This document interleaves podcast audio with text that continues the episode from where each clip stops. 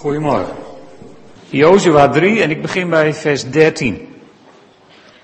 Dan krijgt uh, Jozua instructies van de Heer om de Jordaan over te trekken en het beloofde land binnen te gaan.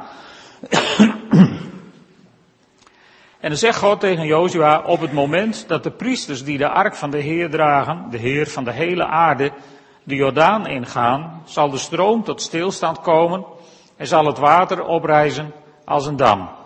Toen het volk het kamp had opgebroken om de Jordaan over te trekken, gingen de priesters die de ark van het verbond droegen voor het volk uit. Zodra de priesters bij de Jordaan waren gekomen en hun voeten door het water werden omspoeld, de Jordaan stond de hele oogsttijd buiten zijn oevers, kwam het water tot stilstand. Het vormde een dam heel in de verte bij de stad Adam, die vlak bij Saretan ligt. Het water dat naar de Zoutzee ging, oftewel de Dode Zee, stroomde helemaal weg. Het volk trok over ter hoogte van Jericho. De priesters die de ark van het verbond met de Heer droegen, bleven precies in het midden van de bedding van de Jordaan staan, terwijl heel Israël overtrok tot de laatste man. Nadat het hele volk de Jordaan was overgetrokken, zei de Heer tegen Jozua, kies nu twaalf mannen, één uit elke stam, en zeg hun dat ze van de plaats waar de priesters in de Jordaan staan twaalf stenen moeten halen. Die moeten ze meenemen en in het kamp leggen, waar ze vanaf deze nacht zullen verblijven. Jozua liet twaalf mannen aanwijzen, één uit elke stam van Israël, en nadat hij hen bij elkaar geroepen had, zei hij tegen hen, Ga voor de ark van de Heere uw God de Jordaan in. U moet allemaal één steen op uw schouder nemen, één voor elke stam van Israël. Ze zullen een gedenkteken voor u zijn. Wanneer uw kinderen later zullen vragen wat die stenen betekenen, dan moet u ze vertellen dat het water van de Jordaan werd tegengehouden door de aanwezigheid van de ark met het verbond met de Heer. Vertel ze dat toen de ark de Jordaan inging, het water werd afgesneden en dat deze stenen daarvan voor Israël een eeuwig gedenkteken zijn. Je ziet ze als het ware gaan. Je moet je voorstellen, je zult maar aangewezen zijn om een van die vier priesters te zijn die de ark dragen. Ik bedoel, de rest heeft makkelijk praten, die komen achter je aan. Maar jij loopt daar met dat ding op je schouder.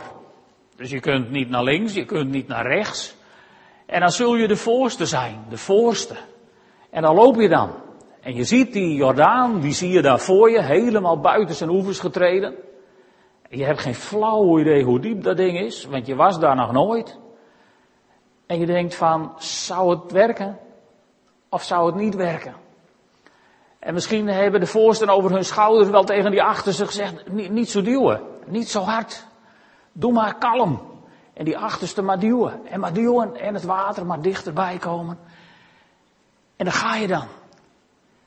En dan kom je op de oever en dan zet je je voet in het water en dan staat er zodra hun voet werd ondergedompeld of werd omspoeld door het water, bleef het water staan. Heel in de verte.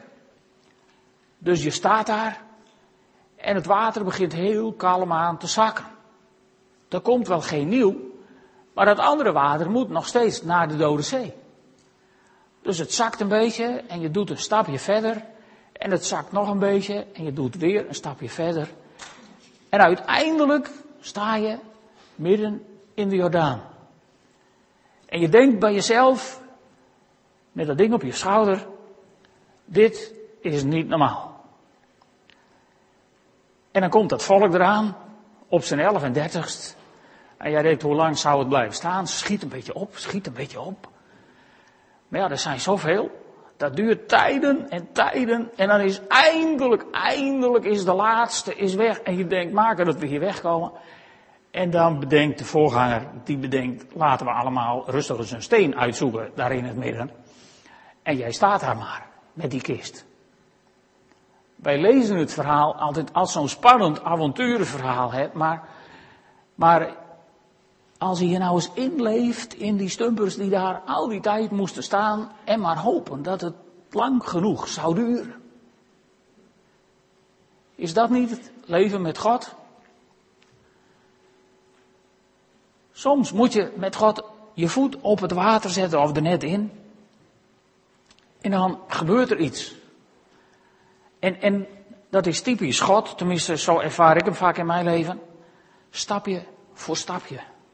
Wat was het nou handig geweest als God zo 100 meter voor de Jordaan in één keer even, hup, al het water weg, paadje erdoor, rode loper erop.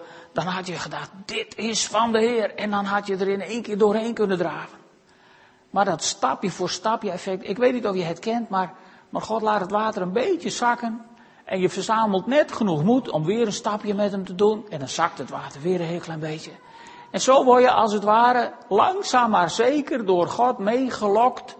Tot je uiteindelijk daar midden in die rivier staat en denkt, wat doe ik hier in hemelsnaam? Kennen jullie dat? Dat heet leiding. De meeste mensen die leiding willen van de Heilige Geest verwachten misschien wel een briefje uit de hemel. Of, of zouden het liefst zien dat God luid en duidelijk tegen je roept met vijf bevestigingen. En de omstandigheden die allemaal 100% meewerken. Maar meestal is dit hoe God begint. Kom maar, kom maar, kom maar achter me aan. Kom maar. Kom maar. Net zoals een klein kindje leert lopen. Elke keer ga je als vader of moeder een beetje verder, moet ik niet ver, een beetje verder achteruit. Kom maar. En elke keer lopen ze een stukje extra. Ken je dat? Zo gaat, zo gaat God vaak met mensen om. Hij lokt je als het ware mee. En je hebt het gevoel van, ik doe nog wel een stapje, maar waarom weet ik eigenlijk niet. Ik heb het gevoel dat ik steeds verder gelokt word naar een plek waar ik eigenlijk niet durf te zijn, omdat ik niet precies weet hoe het daar is. Wandelen op water moet volgens mij net zoiets zijn als langzaam maar zeker meewandelen het water in, de diepte in. Je ziet de oevers steeds hoger worden. En je denkt, mocht het water terugkomen, dan ga ik hier neer, dan kop je onder. En daar sta je dan. En daar moet je dan blijven staan tot iedereen erdoor is en alles achter de rug is. Ik heb veel bewondering gekregen voor die priesters die daar maar stonden al die tijd.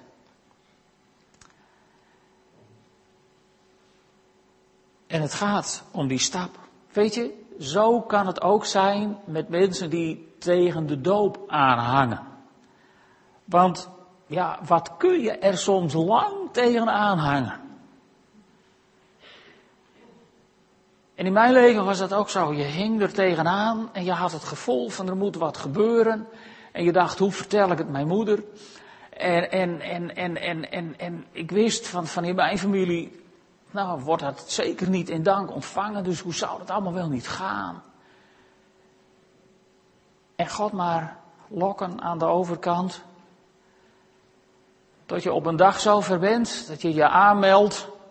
En dan is er eigenlijk zo'n soort point of no return. Dan kun je gewoon niet meer terug, eigenlijk zonder groot gezichtsverlies. En dan breekt die dag aan. En dan is het zover.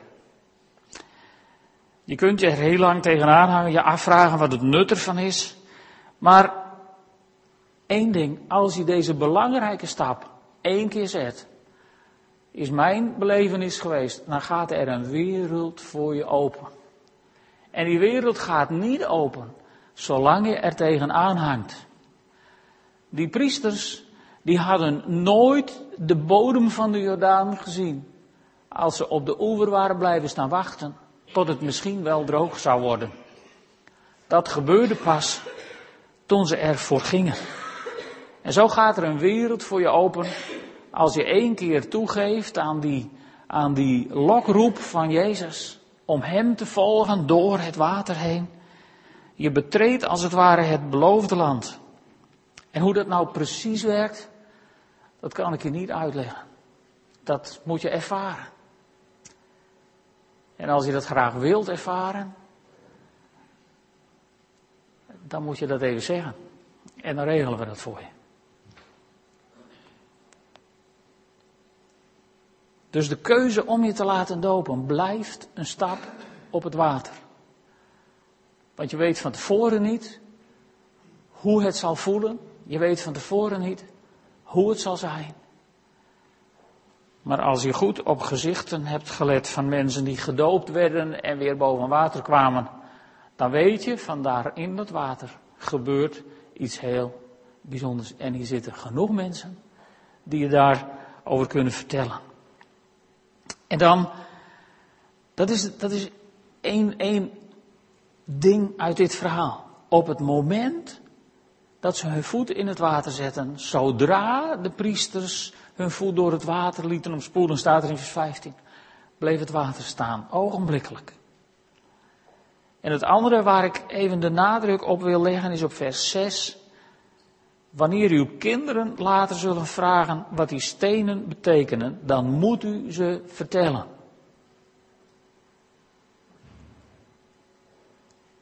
En ik, ik, ik zou het aan de, aan de ouders in ons midden willen vragen, praat je wel eens met, met je kinderen over de doop, zeker als ze één keer de tienerleeftijd hebben bereikt, heb je, heb je het er wel eens over?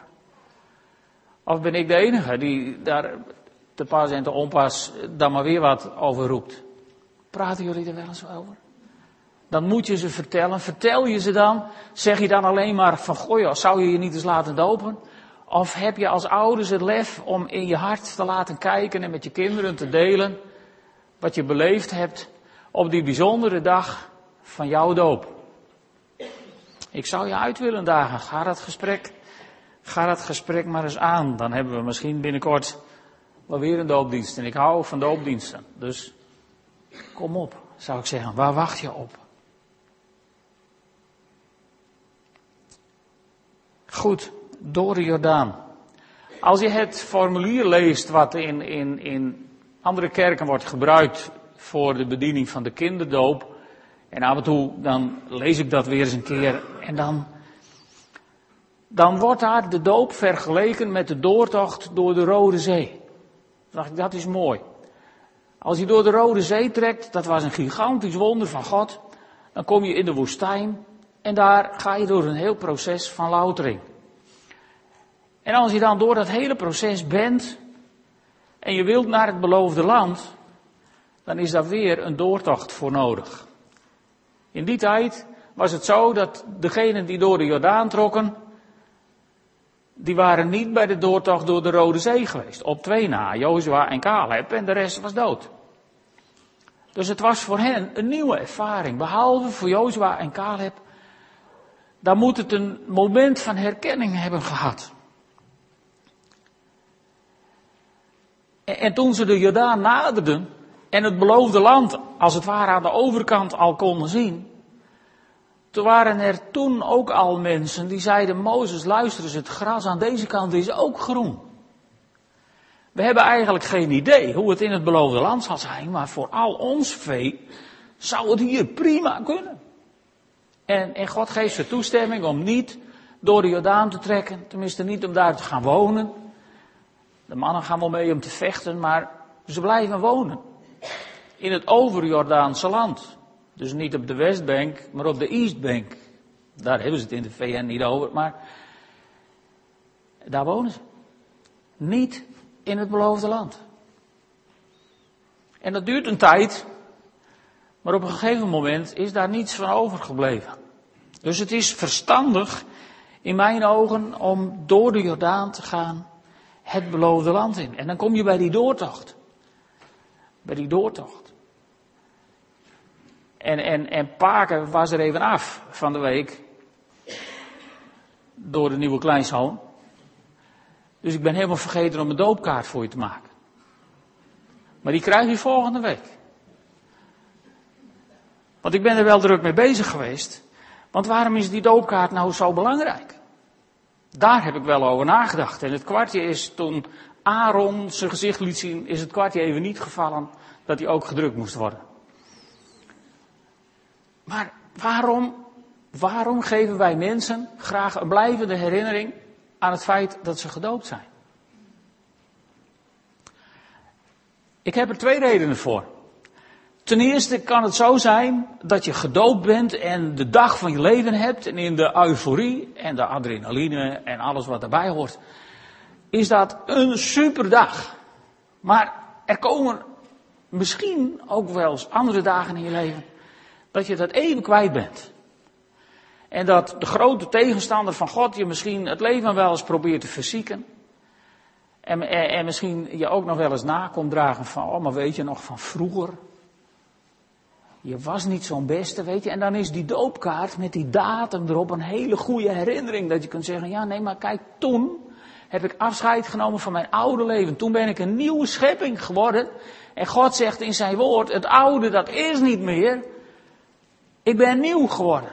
Ik ben opnieuw begonnen. Ik ben een kind van God geworden en mijn zonden zijn me vergeven. Geweldig. En het andere is, even terug naar ons verhaal. Als je kinderen of je kennissen of je vrienden je er naar vragen, dan zul je ze vertellen. Zegt God hier tegen Jozua of zegt Jozua tegen het volk. Het is ook iets om aan een ander te laten zien en met een ander het gesprek erover te hebben. Andere mensen vertellen wat de doop in jouw leven heeft betekend. En wat het met je heeft gedaan, wat het voor vrucht heeft voortgebracht. Dus die doopkaart die is straks ook niet bedoeld om andere mensen ermee om de oren te slaan. Van zo is die net als dopenlid. En dat gebeurt hoor soms. Ik heb het wel eens meegemaakt. Hè?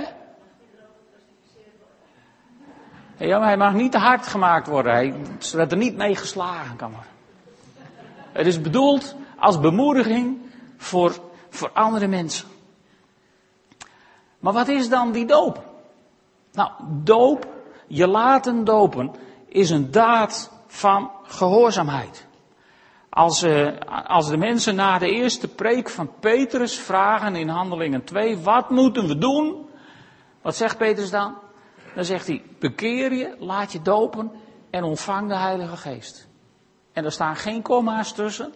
Dat is voor Petrus dat ene ultieme moment. Bekeer je, laat je dopen. Nou hebben wij natuurlijk door onze gewoontes en onze tradities al sowieso een gaatje gecreëerd tussen bekeren en je laten dopen. Want anders zou je elke dag misschien wel doopdiensten moeten hebben. Of minstens elke zondag. Ik was dus in een kerk in, eh, in, eh, in, in Kaapstad. Daar waren wij een keer. In een hele grote baptistenkerk. En er was een soort vijver voor de preekstoel, zeg maar. Helemaal in de kerk, binnen. En daar was altijd water in. En na de preek zei de dominee, er is voor de preek iemand bij me geweest die wil graag gedoopt worden. En hij huppelde in zijn nette pak zo van de preekstoel af het water in. En er huppelde van de andere kant ook een het water in. Vloep, gedoopt, klaar, andere kleren aan. En de dienst ging weer verder. Wordt wat duur voor de stomerij, maar het zou kunnen. Maar goed, zoals we het nu doen, mag het ook. God is niet haastig. Maar God vraagt wel een stukje gehoorzaamheid.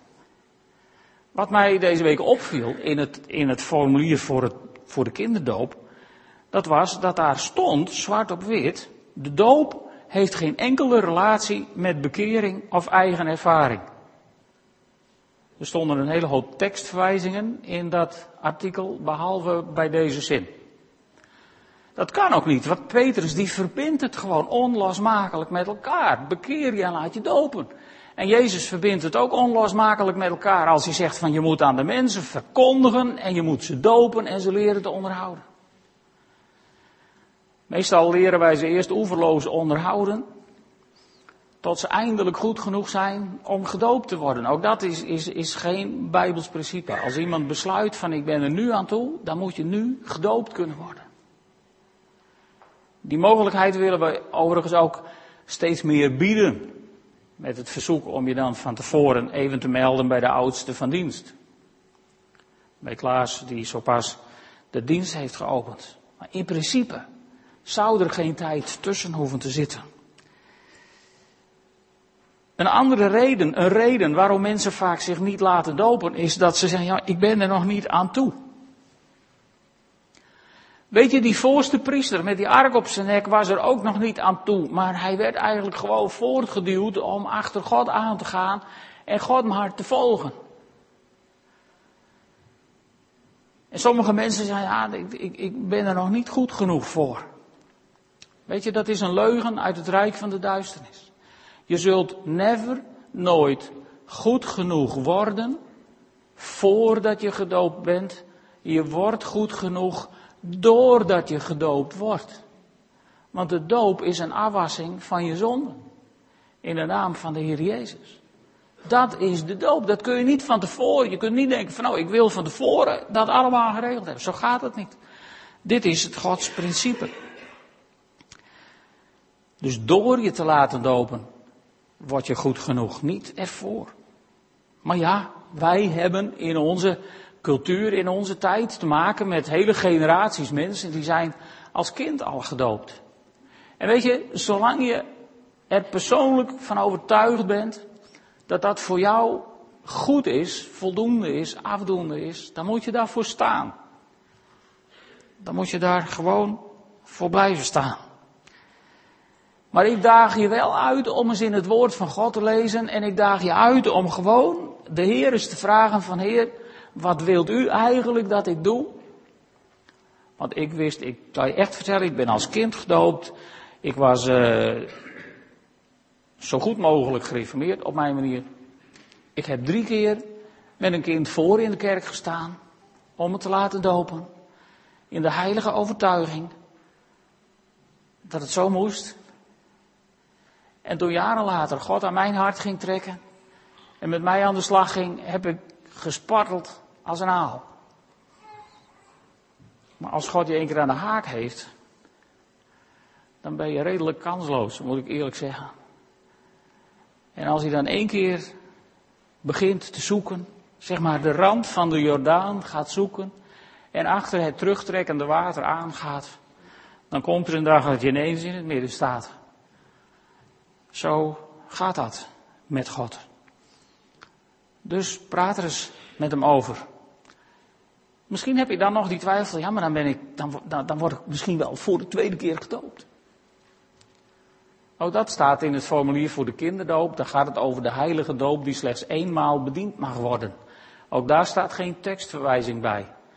Want daar is geen bijbeltekst voor aan te wijzen waar staat dat je maar één keer gedoopt mag worden. Ik zeg dat met een beetje schroom, want ik wil er ook niet voor pleiten dat iedereen zich elke week opnieuw wil laten dopen, omdat het zo'n geweldige leuke ervaring is. Daar gaat het helemaal niet om. Maar op zich zou je na een terugval in je leven bijvoorbeeld ervoor kunnen kiezen. Bijbels gezien is daar niets tegen in te brengen.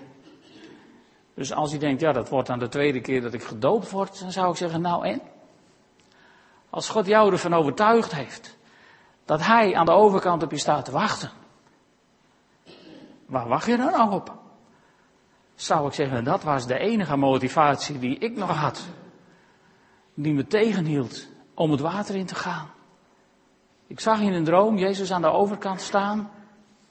En hij zei, ik heb een roeping voor jouw leven. Maar het is nu wel tijd dat je komt. En de andere dag hebben we het erover gehad en Geertje was op hetzelfde moment zo ver. Genade van God. En de eerstvolgende gelegenheid zijn we gedoopt. Ja, zo gaat dat soms. En weet je, wat dan, zou je zeggen? Dan ben je gedoopt. En? Wat dan?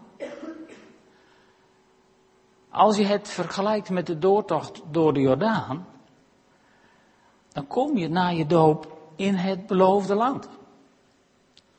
En wat wacht je in het beloofde land? Laten we eens kijken in de Bijbel. Wat wacht je in het beloofde land? Wat weten we van het beloofde land? Om te beginnen groeiende druiventrossen die je met z'n tweeën moet dragen. Dus als je van fruit houdt.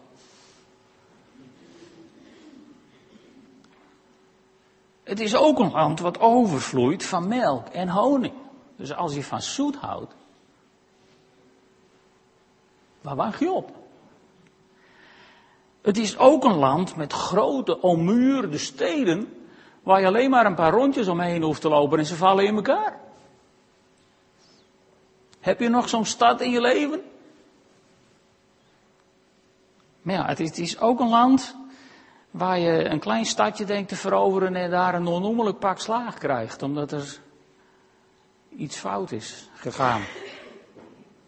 Het is, uh, het is ook een land waar mensen uit Gibeon bij je komen en je belazeren waar je bij staat. Als je niet vraagt aan God van wat moet ik hiermee?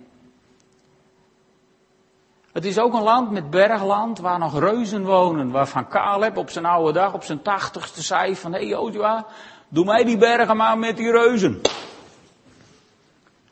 Dat is het beloofde land. Het beloofde land is de plek waar je in alle volheid mag delen in de lusten en de lasten van het koninkrijk van God. En er is geen betere plek op aarde. En ik daag je uit. Als je nog, als je nog tegen de doop aanhangt, laat God nou eens een keer spreken tot je hart. En als je denkt, maar dat beloofde land, dat vind ik toch wel interessant.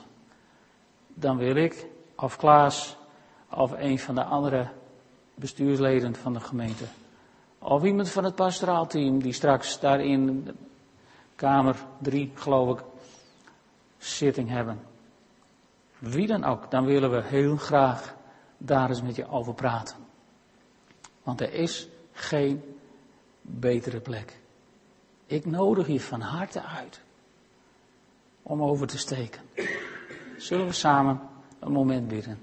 Zullen we gaan staan? Vader in de hemel, velen van ons hier aanwezig zijn door u al uitgedaagd. En misschien mag ik het wel zeggen, zijn door u al verleid om zo diep de rivier in te wandelen dat ze kopje onder zijn gegaan. Heer, en u kent ook degenen die ermee worstelen, die ermee bezig zijn. Ik bid u, Heer, om tot hun hart te spreken. Heer, en u kent ook de mensen die overtuigd zijn van de legitimiteit van hun kinderdoop.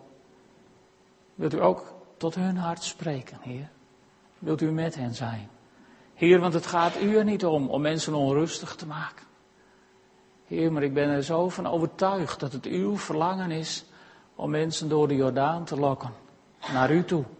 Dichter naar u toe. Naar een nieuwe fase in het leven. Een fase in het beloofde land. Heer, wilt u de nawerker zijn? Wilt u spreken tot harten? Heere God, en wilt u geven dat de doop altijd een daad van gehoorzaamheid aan u zal blijven. En niet aan mij of welke prediker dan ook. Heer, wilt u spreken tot mensenharten. Dat bid ik van u in de naam van Jezus Christus. Amen. Amen. Graag eerst hun getuigenis horen. En sommige mensen komen dan even niet uit hun woorden, dan zijn de getuigenissen heel kort. Kaisja die gaat nu haar getuigenis geven. Kaisja, waarom wil je je laten dopen? Ik, ik zal er even wat uh, papieren bij nemen die ik bij elkaar geraapt heb, want ik kon ook niks opschrijven. Oké, okay. Oké, okay. met het doopboekje dat het anders gaat, dat uh, verbaast me niks, want heel veel dingen gaan bij mij altijd anders precies op zo'n dag als vandaag eh, zat ik te snatteren bij het mooie Gregoriaanse lied. En dan heb ik precies geen zakdoekjes bij me. Juist nu niet. Dus, maar dat werd opgelost. Uh, vanaf, ik, vanaf dat ik uh, de eerste keer heb gehoord dat iemand gedoopt zou kunnen worden, misschien was ik een jaar of zeven of zo, dan uh, ik die kinderen erom die dat mochten. Want dat wilde ik eigenlijk ook wel. En ik, want ik, ik wist gewoon, die mensen die mogen gewoon vrij zijn. Maar wat het precies inhield, begreep ik toen nog niet. Maar ik dacht gewoon aan mijn eigen thuissituatie, waar ik nummer 12 was van 17 kinderen. Heb ik vast wel eens eerder verteld. Maar de wens om gedoopt te worden, die is uh, door mijn hele leven heen eigenlijk altijd gebleven. En eenmaal als volwassene dacht ik, en voelde ik mij, uh, wist ik van nou, ik voel me tot het katholieke geloof aangetrokken. Omdat ik bij kloosterlingen kwam en uh, me daar helemaal thuis voelde. Maar in dag wilde de pastoor mij niet dopen. Ik moest eerst aan heel veel voorwaarden voldoen en dan over twee jaar nog maar eens verder praten. Maar ik ben op een gegeven moment in klooster Sion terechtgekomen. bij Deventer is dat, in uh, Dieperveen. En daar ben ik als het ware door twee oude priesters aan de hand genomen. Pater Desiderius en Pater Johannes. En uh, beide totaal verschillende mensen. Maar zij hebben me ja, zo ver gebracht dat ik nu hier durf te staan. Iets wat ik dus altijd heb gewild. Maar ja, iets over het geloof zeggen of in God geloven, dat was uh, nou het ergste wat ik zou kunnen doen van huis uit. Ik ben gedoopt in 1992. Uh, hebben de priesters die hebben geregeld dat een pastoor van hun klooster mij wilde dopen. Ik heb er ook foto's van meegenomen. Ik heb vergeten ze aan te bieden voor de beamer. Want toen dat gebeurd was, toen had ik zoiets van, is, is dit het nou? En toen zei de pastoor, nee maar je mag nog wel aan de klokken luiden. En ik heel blij, ik dacht, nou mooi, en die touwen, zoals die kloosterlingen dat doen. En toen mocht ik op een belletje drukken, zo. En daar heb ik ook een foto van. En dan kijk ik, ik, dacht ook, ik ga het ook niet verstoppen dat ik zoiets heb van, hè, is dit alles zo? En toen dacht ik ook, het moet vast een keer anders. En uh, het, is, het is nu zover. En ik heb, een, uh, ik heb een gedicht meegenomen wat ik heel graag wil voorlezen. Ik heb het niet zelf geschreven, al zou ik het heel graag hebben gedaan. Want het is mij aan het lijf geschreven. En het gedicht dat heet Groeien. Groeien is verder de hoogte inschieten. Telkens wat langer, van groter naar groot. Groeien is steeds weer nieuwe dingen beleven. Zo gaat de weg van leven naar dood. Groeien is knokken om verder te komen. Vallen en opstaan, een lach en een traan. Groeien is zoeken en kiezen en vragen. Ergens aan werken en ergens voor staan.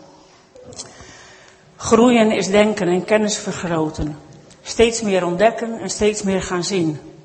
Groeien is steeds weer grenzen verleggen. Waarmaken waar je van droomde misschien. Groeien is dingen soms los durven laten. Beelden gaan barsten en schieten tekort. Groeien is botsen met God en ontdekken dat mijn geloof daar niet minder door wordt. Nou, zo is mijn leven toch een hele grote worsteling geweest. en stappen, stappen in het strand uh, hebben denk ik altijd meegespeeld. Stappen in het water zetten. Dat ik hier sta, want ik, ik zag nadat Willem en Klaas bij mij waren, in mijn doopboekje. En daar heb ik het ook aangepakt, dat gedicht van ik droomde eens en ik liep langs het strand belagen tij. Dat zag ik daar en denk ik, hé hey, ja. Dat uh, is toen ook gewoon altijd heel belangrijk voor me geweest. En waardoor ik nu zo ver gekomen ben dat ik de stap durfde te zetten. Om, om het ook hier echt te durven doen. Dus, uh, nou misschien negen weken geleden of zo, liep ik in mijn huiskamer te overdenken. Een stukje uit de Bijbel, ik weet niet waar, maar ik heb het vaak gehoord hier. Uh, hij die in mij is en dan ben ik in hem en dat, stukje. En zo zat ik dus te denken van, dat er mij zo vaak gezegd is, je moet Jezus in je hart laten. En dan, ja, dan is alles anders. Terwijl ik dacht dat ik dat nooit had, is een stem die mijn hele leven mij begeleidde, had mij gezegd eens toen ik dacht, ik hou niet van Jezus, dat is het. En toen was er helemaal overal en om me heen heel duidelijk de stem die zei, ja maar dat doe je altijd al. En daar schrok ik zo keihard van. Ik zat in de duinen. En toen dacht ik, ik keek om me heen en ik wist gewoon, ja er is natuurlijk niemand, maar ik schrok er zo van en ik keek om me heen en weer die stem overal om me heen die zei, maar dat doe je immers altijd al. Dus ik dacht, nou dat zit wel goed. En ik ben, ja, ik ben er heel lang heel gelukkig door geweest. Maar ik, eh, ik dacht dus ook altijd dat ik moest wachten op het moment dat ik me helemaal gedragen voelde door Jezus, door God. En ik weet wel dat ik mijn hele leven gesteund ben, maar het gedragen zijn, dat heb ik van huis uit eigenlijk helemaal nooit gekend. En daarom, ik, ik liep van deze zomer, liep ik in mijn huiskamer en dan zat ik al die dingen te overdenken. Moet ik, als ik God nou in mijn hart laat, als ik Jezus in mijn hart laat, uh, ben ik dan ook in Hem? En als ik dan ook in Hem ben, ben ik dan ook in God? En toen dacht ik, Zo, zo, zo waren mijn gedachten. En in één keer vervaagde de omgeving van mijn huiskamer. En ik wist mijzelf op een strand, ergens net langs de rand van het water en in het zand. Ik zag mij niet, maar ik wist mijzelf daar. Ik wist ook dat Jezus daar was. En hij was eigenlijk overal om me heen. En ik dacht nog van, hé, hey, wat apart. Sta ik hier weer aan het strand met water. En toen was die stem die zei, nou heb je zo vaak gezegd dat je in mijn voetstappen wil staan. Want het was een hele lange levensvraag. Ik wil ook zo worden zoals Jezus. En die stem die zei van, nou doe maar, stap dan maar. En ik dacht, wat gebeurt er? En ik voelde Jezus achter me heen, zoals een klein kind die dus gaat leren stapjes te doen, stapjes lopen. Ik voelde mij aan mijn handen genomen, zo. En ik wist Jezus zijn aanwezigheid en zijn voet zo daar. Hij zei, stap hem maar op. En ik zette heel voorzichtig mijn voet erop. Ik zag het niet, maar ik wist dat het allemaal zo was. En ik mocht mijn andere voet erop zetten en ik voelde het zo. En ik dacht bij mezelf, ik loop, oh wauw, ik sta op Jezus voeten, hij neemt me mee. En het voelde zo licht en zo warm.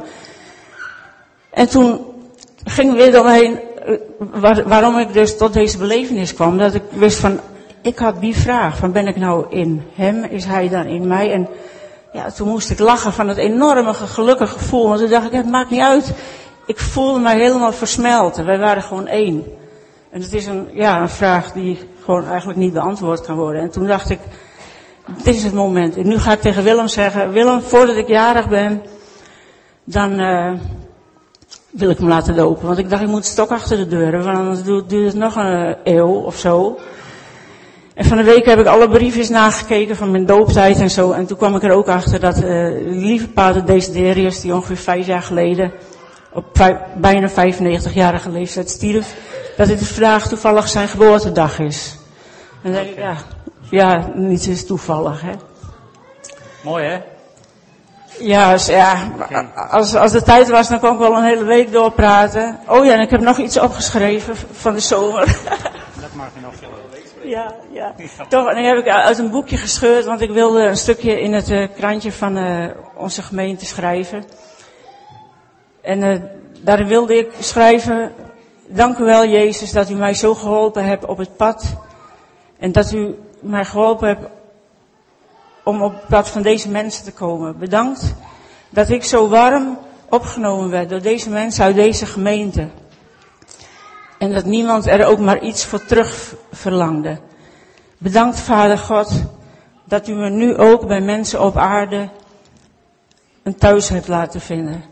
En dat is wat Pater Johannes altijd tegen mij zei uit het klooster. Van je moet in Drachten ook een gemeente vinden. Doe nou, het is er wel. En ik wist het niet, maar het is er. En uh, bedankt allemaal. En ik probeer een hele goede stageloper op het pad van discipel te zijn. Amen.